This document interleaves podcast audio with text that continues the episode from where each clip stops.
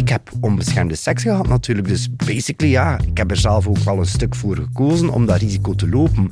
Dan maakt het ook het stigma natuurlijk wel heel zwaar dat je naar je eigen wijst. Hè. Bij mij is dat zeker ook zo. Ik heb daar heel lang last van gehad. Welkom bij de podcast Positief. Het verhaal van twee Gentenaars die leven met HIV. Laurence. En Christophe. Ja, we hebben het in de vorige afleveringen al gehad over het medische verhaal, de eerste schok en het internationale luik. Maar natuurlijk, Christophe, moeten we het ook hebben over het mentale luik. Yes. Hoe zwaar weegt die diagnose eigenlijk op onze geest? Waarom bestaan taboe en stigma eigenlijk? En hoe kunnen we ook stigma doorbreken? En om dit te bespreken vandaag hebben wij Melissa Keuterik uitgenodigd. Melissa is gezondheidssociologe aan de UGent. Hallo, Laurence en Christophe. Hey. Eh, bedankt om mij hier uit te nodigen vandaag. Wat is dat eigenlijk een gezondheidssocioloog? Ja, dat vragen we ons eigenlijk We af. vragen ons af. Ehm, wij bestuderen eigenlijk hoe gezondheid, zorg, welzijn, ziekte zich verhouden ehm, tot allerlei maatschappelijke, sociale processen. Maar kijk, de geknipte kandidaat. Hè. Ja, Maar ja. maar wij kiezen ze wel. Ja, dat is waar. We hebben ze wel zelf gekozen, uiteraard. Ik doe bijvoorbeeld ook onderzoek naar eh, stigma gerelateerd aan allerlei medicatiegebruik, bijvoorbeeld opioïde pijnmedicatie, slaapmedicatie. Hoe kijkt de maatschappij daarnaar en hoe ervaren patiënten dan die blik van de maatschappij daarop? Mhm. Ik denk als wij in het algemeen spreken over stigma, dan hebben we het vaak over publiek stigma. Wat de samenleving denkt, in ons geval over HIV. En dat heb ik zeker heel sterk meegemaakt. Eh, dus ik leefde in Mozambique, waar dat, heel sterk aanwezig was. Maar waar inderdaad bepaalde mensen denken van, mij overkomt het niet. En ik zat natuurlijk in een expatmilieu. En ik herinner mij dat er een verhaal rondging van iemand uit een ambassade. En daar was het verhaal van, oeh, er is hier een collega. Wij weten dat er een collega is die HIV-positief is. En iedereen was maar aan het raden wie dat, zou kunnen zijn. En dat was vooral van, ja, hoe stom is het hem eigenlijk geweest? En iemand uit mijn persoonlijke omgeving reageerde daar op die manier op. Ja, en dan klapte het dus volledig dicht. Hè? Ik vind het ook wel straf dat in een maatschappij waar dat, dat zo alomtegenwoordig is, dat er dan zo weinig openheid ook... Allee, het is precies alsof dat hoe meer aanwezig dat het is, hoe meer dan we er gaan over zwijgen. En merkte jij dat stigma in Mozambique anders was dan hier in België? Nog sterker, ja. Ik denk een stuk hier omdat het vergeten is. Het is inderdaad, zoals Christophe al zei, paradoxaal ook. Hè. Hoe, hoe meer aanwezig dat is, zouden we denken van het wordt genormaliseerd ergens, er wordt, het wordt meer aanvaard, maar nee, net niet. Ja. Nu, stigma is een containerbegrip. Eh, binnen de sociologie, maar ook binnen de psychologie zijn er verschillende theorieën. Een van de theorieën die we het vaakst tegenkomen is die rond het stigmaproces. En die theorie definieert stigma als een geheel van vijf componenten. Een eerste component is labeling of etikettering. In die fase krijgt iemand om een of andere eigenschap, en dat kan dus HIV-status HIV. zijn, een label, een Ja. etiket. De tweede component is dan stereotypering. En daarbij worden er allerlei negatieve denkbeelden, stereotypen gekoppeld aan het label dat iemand heeft gekregen. In het geval van HIV gaat dat dan over allerlei stereotypen rond promiscu gedrag. eh, Bij homoseksuele mannen uiteraard. Niet Oh, alleen, ja, ja. Niet alleen, hè, Christophe? Nee, nee, maar ja, bon. Het, het etiket... geval het etiket ja, laps, zeg. We gingen net de clichés proberen ondermijnen. Maar dat klopt. Maar het is wel, het is wel zo dat, dat het stereotype van de promiscue homoseksuele man, die uiteraard eh, het ene seksuele contact na het andere heeft, onbeschermd, dat dat een beetje vastkleeft aan het hele HIV-verhaal. Dat natuurlijk, hangt daar zeker Het zit ook in de geschiedenis, wat vast natuurlijk. Maar... Zeker, zeker. Ehm, en voor alle duidelijkheid, ik eh, beschrijf hier de Ja, ja, ja, stereotypen, ja. ik onderschrijf ze niet. Hè. Absoluut, absoluut. Ehm, Ik ook niet, Christophe. De derde fase? De derde component dan, eh, of de volgende stap in het stigmaproces, is dat van groepsformatie. Op dat ogenblik gaan mensen die niet het etiket hebben, zich als fundamenteel anders gaan zien. En gaat men ook die stereotypen die aan het etiket gekoppeld worden, op de hele groep van mensen met het bepaalde label gaan toepassen. Bijna automatisch. Dat is een proces dat, Dus dat gaan eigenlijk... veralgemenen eigenlijk. Ja, men gaat gaan veralgemenen en er gaat een onderscheid komen tussen de wij- en de Ja. zijgroep. En bij HIV geeft dat dan natuurlijk ook als gevolg dat mensen zich gaan zien als mogelijk minder kwetsbaar om HIV op te lopen. Eh, Zo het gevoel van het kan mij niet overkomen. Voilà, het kan mij niet overkomen gevoel, want het komt toch vooral voor bij die andere groepen. Hè. Dat is wat dat die hetero's denken. Hè? Nee, sorry. nee, maar het is wel zo dat vaak heteroseksuelen denken van ah ja, maar ons overkomt dat Nee, niet, want dat is wel waar. het is een homoseksuele ziekte. Je moet daar ook niet flauw over doen. Er is ook een hele grote groep natuurlijk binnen de populatie van mensen die leven met HIV, die homoseksueel zijn, of mannen zijn die seks hebben met mannen. Maar ook als hetero ga je ook denken, als je in een vaste relatie zit, het kan mij niet overkomen. Ah ja, dat is waar. Bij mij gebeurt dit Ja, dus dat toch? is. Het gaat dan niet, niet over... Geaardheid gaat ook over eh, wat voor soort relatie dat je zit, natuurlijk. Ja, of ik heb maar twee vaste relaties gehad, dus het kan mij niet overkomen. Ook eh, denkbeelden. Ja. Dus- En dan de volgende component, eigenlijk de gevolgen daarvan, is dat de andere gestereotypeerde groep statusverlies gaat lijden. Ja. Ehm, omwille net van die negatieve stereotypen. En omwille van waarschijnlijk de bedenking, ja, ze hadden het maar beter moeten weten. Ja, en dat is ook wat dat er natuurlijk wel gebeurd is met de groep van mensen die leven met HIV. Een groot stuk in de beginfase ook, en nog altijd. Hè. We gaan daar heel eerlijk Ja, in zijn. en de vijfde component is discriminatie. Wanneer dat er effectief een ongelijke behandeling zal zijn van mensen met een bepaald label die niet redelijk te verantwoorden is. Ik krijg dat heel vaak te horen van mensen die leven met HIV, van ja, zeker ook in de zorgsector, dat die anders behandeld worden. Van bijvoorbeeld zorgpersoneel dan extra handschoentjes aandoen, ook al is het niet nodig, Mhm. en stel je voor. Nu, natuurlijk, we zien ook wel de tijdsdruk, dat die ook toeneemt in de zorg. En dat er, ehm, we zien dat in ander onderzoek, dat als zorgverleners onder hoge tijdsdruk staan, dat ze veel sneller ook gaan terugvallen op ehm, die primaire reacties, op die stereotype beelden. En daar is waar je eigenlijk schrik van hebt. Hè? Waardoor dat je het zelf nog meer gaat internaliseren en dat je komt naar je zelfstigma. Want dan heb je inderdaad totaal schrik om gediscrimineerd te worden. Dat komt uit die reactie van de mensen rond u. We zien in onderzoek ook dat mensen doorgaans gaan verwachten dat de ander, de medemens, veel meer gaat stigmatiseren dan dat zij zelf zouden doen. Dus er is daar een enorm paradoxaal effect dat men altijd gaat denken dat, dat er in de maatschappij meer gestigmatiseerd gaat worden dan dat zij zelf zouden doen. Het is een ander die discrimineert. Ja. Het is, ik, ik doe dat niet, hè, maar het is iemand anders die... Maar ik vind dat zelf ook een hele moeilijke stap, omdat in een, in een groepsdynamiek ga je heel rap meegaan. Ik vind het een bijna dagelijkse opdracht om daar te proberen niet in mee te gaan. Want je denkt inderdaad altijd, ja, het is iemand anders discrimineren. Ik zou nooit discrimineren, totdat het zover is natuurlijk. Ik denk dat vaak verandert bij mensen als ze dan een keer iemand persoonlijk leren kennen. En dan een persoonlijk verhaal horen. Dat is ook daarom waar wij uiteraard die podcast maken. Hè. Maar dan komt het dichter bij u en door die persoon beter te begrijpen, gaan ze hun perceptie, denk ik, misschien hopelijk aanpassen. Ik zou zeggen, dat is toch zo jammer. En ik doe het zelf. Hè. Het, is, eh, het is geen gemakkelijke opdracht. Bovendien, Melissa, het woord HIV is een zeer beladen term. Hè. Dat is een beetje vies vuil. Het is een ziekte. Heel dat seksuele hangt daar ook aan vast. Wat dat sowieso in Vlaanderen al moeilijk maakt om erover te praten. Want oei, oei, stel je voor dat we over seks praten. Speelt dat ook een rol? Ik denk dat je nu vooral vraagt ook waarom het stigma zo lang blijft hangen. Hè? Ja. Wel, ik denk dat we daar moeten stukje teruggaan naar, naar de geschiedenis, naar hoe het in de jaren 80, 90, hoe de preventiecampagnes toen werden opgezet, welke boodschappen er toen de wereld werden ingestuurd. Ja, hoe de media eigenlijk ook in die tijd bericht gaf over HIV en dan AIDS. En die campagnes waren zeer moraliserend. Als we hier in Vlaanderen gaan kijken, ik heb het eventjes opgezocht, de allereerste campagne die noemde Open je ogen voor AIDS te sluit. Ja, juist ja. Heftig? Stevig, hè? Amai. Zeer, Ja, ja. zeer stevige titel, maar ook de boodschap die daarin stond was eh, tracht een trouwe partner te vinden.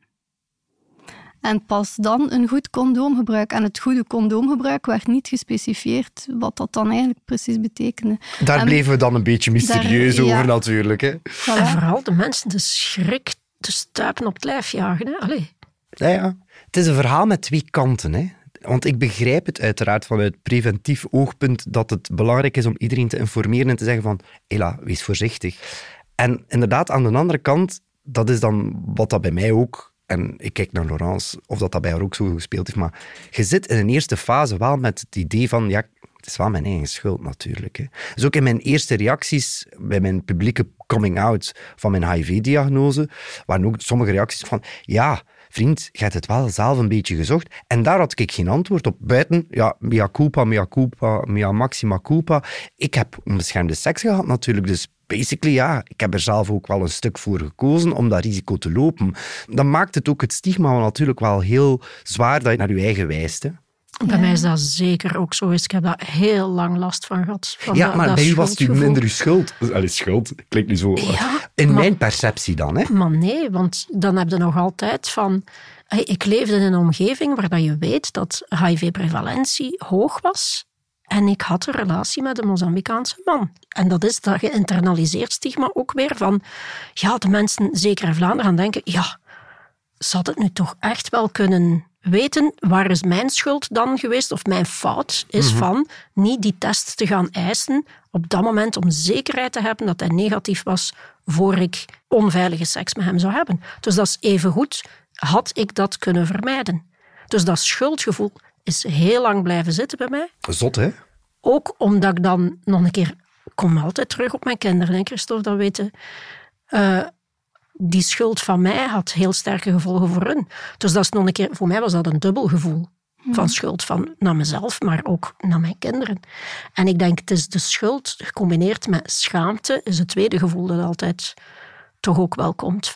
Door Sensoa is er een bevraging geweest in 2020 bij mensen die HIV-positief zijn in Vlaanderen. Daarin zie je dat daar 36% van de mensen aangaf beschaamd te zijn om HIV te hebben. En dat dat zo zeker is bij mensen met een recente diagnose, daar ging het wel zelfs tot 56%. En dat er ook heel veel mensen, rond de 20%, heel negatieve zelfbeelden hadden. Zich vuil voelen, een slecht Ja. persoon voelen. Ja, dat was bij mij ook die eerste, ja, ik weet niet, jaren of die eerste tijd inderdaad, dat gevoel van, ja, dat virus zit in je lichaam, gevoeld. Echt, ja, dat, dat, dat vies voelen. Had jij dat, Christophe? Nee, ik, ik, eh, ik heb dat nooit in Nee, die zin ik wel. gepercipieerd als vies, vuil. Wel, inderdaad, die angst om het door te geven Ja, en dergelijke meer. Maar dat was zo niet een op... soort, niet afkeer van je lichaam, maar zo heel bewust zijn dat dat in je lichaam zit en dat dat gevaar is. Oh, wauw. Ja? Nee, ik heb nooit gedacht van, ah, dat stroomt hier Nee, door ik mijn wel. Ik aderen. echt wel. Ah, ja. Maar je bent ook opgegroeid met andere denkbeelden daarover. Ik denk dat je, nog op, allee, dat je in, een, in een ander tijdsbestek ook bepaalde ideeën over HIV hebt meegekregen. Ik denk dat dat in jouw geval helemaal anders is. Want de vraag is natuurlijk, kan je er zomaar echt ook een schuld gaan opkleven? Het blijft een virus, hè? Ja. Je hebt daar niet actief voor gekozen. Dat Nee, dat, ik heb er niet voor gesolliciteerd, alleszins. dat is- Dat is gewoon gezegd. Ik denk dat ik dat schuldgevoel pas ben kwijtgeraakt, zodat ik het zelf aanvaard heb voor mezelf. En de knop gemaakt heb van, ja, op veel zaken in je leven heb je gewoon geen controle. Dingen gebeuren, je krijgt een virus. Waar dat je wel controle over hebt, is hoe dat jij daarop reageert. En hoe dat jij jou daarin voelt. En waarin ik zelf gezegd heb van, ja, dat is toch te zot dat ik een minder waardig persoon zou zijn, puur door die ene fout dat ik gemaakt heb. Nee, ik ga dat niet meer op mij nemen. En het is door die klik te maken, door dat te aanvaarden, dat ik denk dat schuldgevoel van mij heb kunnen afzetten. Dat het geen dominante factor meer was. Wat het ook niet hoeft te zijn. Hè. Maar wat Nee. ik heel vaak hoor van mensen die leven met HIV, is dat dat is allesomvattend bijna. Hè. Allee, of zeker voor mensen die het gevoel hebben dat ze het niet kunnen delen in een bepaalde ge- gemeenschap of dergelijke meer. Ehm, en dat speelt dan wel een hele dominante factor van, ja, alles wordt herleid naar, naar de diagnose en uw HIV-status.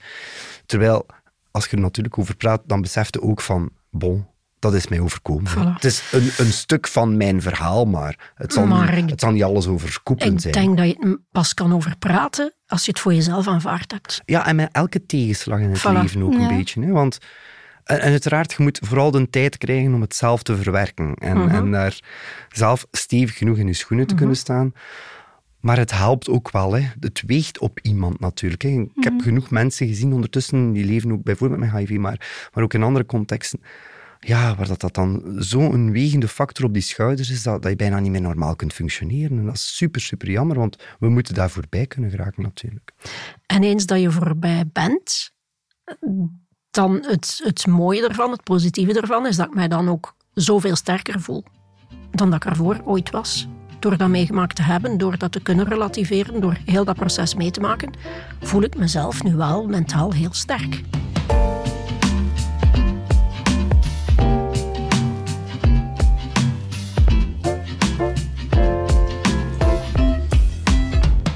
Melissa, stigma is een containerbegrip. Er zijn verschillende soorten stigma. We hebben het al Mhm. over zelfstigma gehad. Er zijn ook nog andere soorten. Ik denk dat een heel belangrijke vorm van stigma waar we het hier nog niet over gehad hebben, is associatief stigma. Dat kleeft aan mensen die op een of andere manier een band hebben met een persoon die een gestigmatiseerd statuut heeft. Denk maar aan partners, familieleden, maar bijvoorbeeld ook zorgverleners. Ik ga heel eerlijk zijn, dat was volledig een blinde vlek bij mij. Ik heb ook compleet onderschat wat dat de impact zou zijn van mijn status op andere mensen. Om maar mijn dichte kring eh, te benoemen. Ehm, mijn ex-man, Nick, eh, die als ik in de pers kom, wij zijn voor altijd gekoppeld, hè, dat is ook normaal. Vlaanderen heeft ons ook samen leren kennen. Bon, ik heb hem dat uiteraard op voorhand gezegd. Maar ik vergat wat dat de impact daarvan ging zijn op die mensen. Want die worden daar ook op aangesproken. Bon, Nick kan daarmee overweg. Maar mijn ouders, dat is wel weer een andere generatie. Dat is ook weer een ander verhaal. Die wonen ook in een kleinere stad. Ja, dat is, dat, dat is wel stevig, dat associatief stigma natuurlijk. Want zij worden daar ook wel mee geconfronteerd. Ah, ja, bij mij was het andere extreem. hè. Ik had daar zodanig schrik van dat ik het dus daarom zo lang voor mij heb gehouden. Omdat ik dus effectief zo lang schrik had dat mijn kinderen daar iets zouden van... Ondervinden. Wat? Als je het in de weegschaal zou moeten smijten, dan woog dat zwaarder door Ja. dan je zelfstigma. Maar zeker. Ja. En mijn moeder heb ik het nooit durven willen vertellen. En ergens wel spijt van. Ja? Eh, ja, toch, omdat ik denk bijvoorbeeld... Ik, ik heb er deze periode ook vaak aan teruggedacht van... Ze zou wel heel fier op mij geweest zijn. Ja. Omgekeerd heeft mij dat dan weer niet tegengehouden om, om het ook direct tegen mijn ouders te vertellen, omdat ik dacht van, ja, weet je, ik ga het gewoon zeggen. Hè. Ik bedoel, het heeft geen zin om het voor mij te houden of dat weg te steken natuurlijk. Maar ook hè. omdat het zoveel energie vraagt om het weg te steken. Ja, superveel energie. Dat is een feit. Nu, het is zeker ook niet in jullie geval alleen. In dezelfde bevraging van Sensua 2020, dus nog niet zo heel lang geleden, 85% van de mensen die daar bevraagd werden is zeer voorzichtig om het aan iemand te vertellen. 86% heeft het wel verteld aan iemand anders. Maar dat betekent ook dat er toch nog 1 op 7 is die het helemaal aan niemand vertelt. Ja. Dat zijn cijfers om stil van te worden. Hè. Ik vind dat mind blown. Dat is echt... Mijn diagnose is gesteld op een donderdag en ik ben direct naar mijn beste vriendin gereden. Ik ging dan onmogelijk voor mezelf kunnen houden. Ik heb het ook direct aan een goede vriendin verteld. hè. Ja. Ja. Maar er zijn mensen die het dus aan niemand kwijt kunnen. Dat is... Wat ik nog wil aanvullen, is dat niet wil zeggen, omdat je dan toch vertelt aan iemand dat je HIV-positief bent, dat daarop positieve reacties komen. Uit die studie zien we bijvoorbeeld dat bij 41% van de mensen die het hadden verteld, de omgeving er maar in beperkte mate voor open stond. En dat vond ik misschien nog frappantere cijfers dan het cijfer van het aantal mensen die het aan niemand vertelt. En it fuels the fear, Ah ja, ging ik voilà. net zeggen. Het Voilà. is net daarom Ja. dat ze het niet durven vertellen. Ja, Ja. ja. Allee, ik ga heel uit persoonlijke naam. Ik heb geen negatieve reacties gekregen eigenlijk. Allee, weinig tot geen negatieve reacties op gekregen. Eh, We moeten daar ook wel de kanttekening bij maken dat mijn persoonlijkheid ook bekend Voilà. was van iets anders. Van namelijk Ja. een positieve deelname aan een tv-programma. Er was een beeld van, dat is Christophe. En, en, en, dat, is toch een toffe kerel. en dat is een toffe. Hè? Dus Mhm. dat kan er wel bij, dat nieuws. Dus dat is natuurlijk wel een andere context dan voor veel mensen. ook een ander deel van je persoonlijkheid, en iets dat ik ondertussen dat ik ook wel heb, is van wij trekken ons een stuk minder aan wat dat mensen van ons denken, omdat je zelf al... Allee, ik zal voor mijn eigen spreken, Christophe, oud en wijs genoeg ben. Spreek gerust voor jezelf. Jong veulen dat ik ben.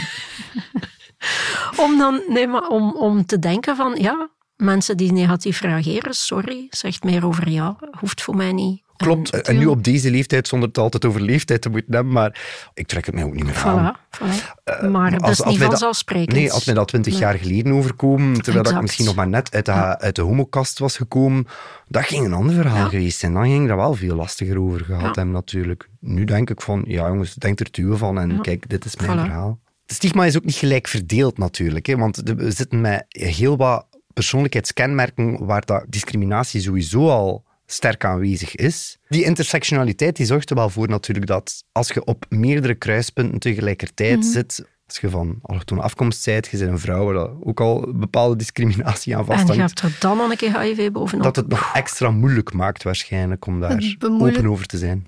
Ja, klopt helemaal. Het bemoeilijkt ook het vinden van de gepaste zorg. Mensen in heel kwetsbare statuten bijvoorbeeld, mensen zonder wettige verblijfspapieren.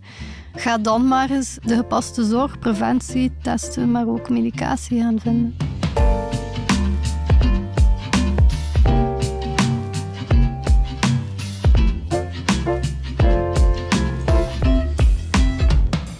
Van de theorieën binnen de sociologie is die van Scambler. En die stelt eigenlijk dat stigma bepaalde ongelijkheden in stand houdt. Hij zoomt meer in op de mechanismes van schuld. Dat creëert schaamte, maar zorgt er eigenlijk ook voor dat op een meer structureel niveau degenen die mogelijk verantwoordelijk zijn voor het bieden van zorg aan die groepen minder geappelleerd worden om effectief iets te gaan doen, omdat het de schuld wordt bij een bepaalde groep gelegd of bij individuen. Mag ik daar even op flessen trekken en naar de jaren tachtig verwijzen? De Reagan policy was natuurlijk... We zwijgen erover, we doen er niks aan, het is een probleem van de homogemeenschap. hè. Wat ook ervoor gezorgd heeft dat natuurlijk de verspreiding des te harder kon gebeuren, want er mocht niet over gepraat worden, er werd niks aan gedaan. Schuif het onder de mat. Schuif het onder de mat en de mat werd om het duur alleen maar hoger en hoger natuurlijk. Hè. Dat, Klopt, ik denk dat, je die heeft daar een theorie daar heel goed kan op toepassen, omdat het om een al gestigmatiseerde groep ging, puur om hun geaardheid, dat daar veel minder vanuit politieke aandacht werd aan besteed. Tot het probleem te groot werd, vermoed ik, en eh, men er niet meer rond kon kijken. Ja, tot er zoveel mensen waren die eraan stierven dat het echt problematisch werd natuurlijk. Hè. Dus we hebben nu gehoord hoe je het niet moet doen. Melissa, stel dat jij aanbevelingen zou kunnen doen naar onze federale minister van Volksgezondheid, Frank van den Broeke, Vlaams minister eh, Hilde Krevets, aan haar kabinet van zij willen een campagne opstarten. Wat zouden nu drie concrete aanbevelingen zijn voor, van jou aan hun die zij een campagne zouden kunnen concreet doen of opnemen? Ik zou in eerste instantie zeggen dat er moet ingezet worden op het aanpakken van het publieke stigma. Dat we vooral moeten inzetten op die angstreactie, die te gaan corrigeren. Dat is een reactie die ook logisch is. Eh, men wil zich beschermen tegen een ziekte, men wil geen virus overkrijgen. Dus op zich is die angst te verklaren, maar we moeten er wel iets aan doen. Dus ik denk iets doen aan die onvoldoende kennis, aan de onwetendheid ook over HIV en vooral dat verouderde beeld van HIV. Want wat die campagnes in de jaren 80 en 90 ook vooral gedaan hebben, en die beelden, is... Ja, HIV stond toen gelijk aan een doodsvonnis. Ja. Terwijl we nu weten, het is een chronische aandoening geworden. En ik denk dat we daar ook moeten iets aan doen, dat dat bij het brede publiek wat bekender wordt. Ja, dat we het gaan normaliseren. Niet dramatiseren, maar normaliseren. Ik zelf ik heb alle begrip voor, we moeten de realiteit ook onder ogen durven zien. Ik heb alle begrip voor een eerste angstreactie. Als ik de mededeling deed, ook in mijn dichte kring, van mensen die schrikken en zeggen oei, en, en, gaat dat nu... Ga je dat nu kunnen overdragen op mij? Dat is zeker normaal. We schrikken wij ook als wij ander nieuws te horen krijgen, als iemand kanker heeft en dergelijke meer. Dat is altijd... Maar je moet je daar wel kunnen overzetten en gaan naar oké, wat betekent dit nu eigenlijk? En hoe gaan we dit verhaal nu even doorgronden? En wat zijn de gevolgen? En wat kunnen we daaraan doen? En hoe kunnen we elkaar helpen? Ik denk dat dat een hele belangrijke is, waar dat de brede gemeenschap, of als we dan toch naar dat publiek stigma kijken, dat we daar zeker moeten aan werken. Mhm. Die boodschap NSN, die is heel belangrijk. Hè? Ja. Niet meetbaar, niet detecteerbaar, is ook niet eh, Overdraagbaar. overdragen. Laurence heeft er ook altijd problemen mee met de waar. NSN-campagne. Bij mij is het nog you is you. Undetectable is untransmittable. Dat is dus gewoon gezegd. En daaraan gekoppeld, ja, ik kan het niet genoeg herhalen, het is een chronische aandoening geworden. Ik denk, al die angstbeelden er rond moeten, moeten gewoon weg. En dan verder ook inzetten op het normaliseren. Hè. De gelijkenis in Amerika bijvoorbeeld is eh, begin jaren 90 Magic Johnson, een heel bekend basketbalspeler toen. Ehm, HIV-diagnose, hetero, gehuwd, kinderen. Die is daarmee naar buiten gekomen en men heeft nu een recent artikel dat dit jaar nog verschenen is, berekent dat daardoor, door die herkenbaarheid, de drempel naar testen verlaagd is en dat er naar schatting 800 hetero mannen zich uh, hebben tijdig kunnen laten testen en hun levensverwachting zou met 10 jaar toegenomen zijn. Wow. Zot eigenlijk. Enkel en om, alleen omwille van het Magic Johnson effect. Dus ik hoop echt op een Magic Laurence en Christophe effect. dat zou toch schoon zijn, hè, Christophe? Daar willen we binnen 10 jaar graag een onderzoek naar, uh, Melissa. Zullen we dat dan al afspreken? We spreken dan af. Dus dat is een eerste, een eerste niveau, dat publieke stigma. Het tweede is het zelfstigma. Ik denk zorgen dat er... Um, bijvoorbeeld via praatgroepen mensen met HIV elkaar kunnen ondersteunen. En dan ten derde denk ik dat die laatste component van het stigmaproces, discriminatie, ook nog steeds aandacht verdient. Dus dat er ook wel echt moet gekeken worden naar hoe kunnen we alle mogelijke vormen van discriminatie gaan aanpakken. Zowel op de woningmarkt, huizenmarkt, verzekeringen, dergelijke meer. Mooie conclusie, hè? Ja, wauw. Ik vond dat heel, uh, heel mooie aanbevelingen, heel concreet gemaakt. En vooral de, het hele verhaal heel verhelderend. Ja. Ik vind, het verhaal rond stigma wordt zwaar onderschat. Maar dat stigma-verhaal is zo belangrijk. Ik vond het zelf heel nuttig, uh, Melissa. Dank je wel. Om, om daar toch iets meer kadering rond te krijgen. En om het zelf te leren begrijpen hoe dat het in jouw eigen verwerkingsproces dan loopt en zo. Dus dank je wel, Melissa. Jullie bedankt om me hier uit te nodigen. Graag gedaan.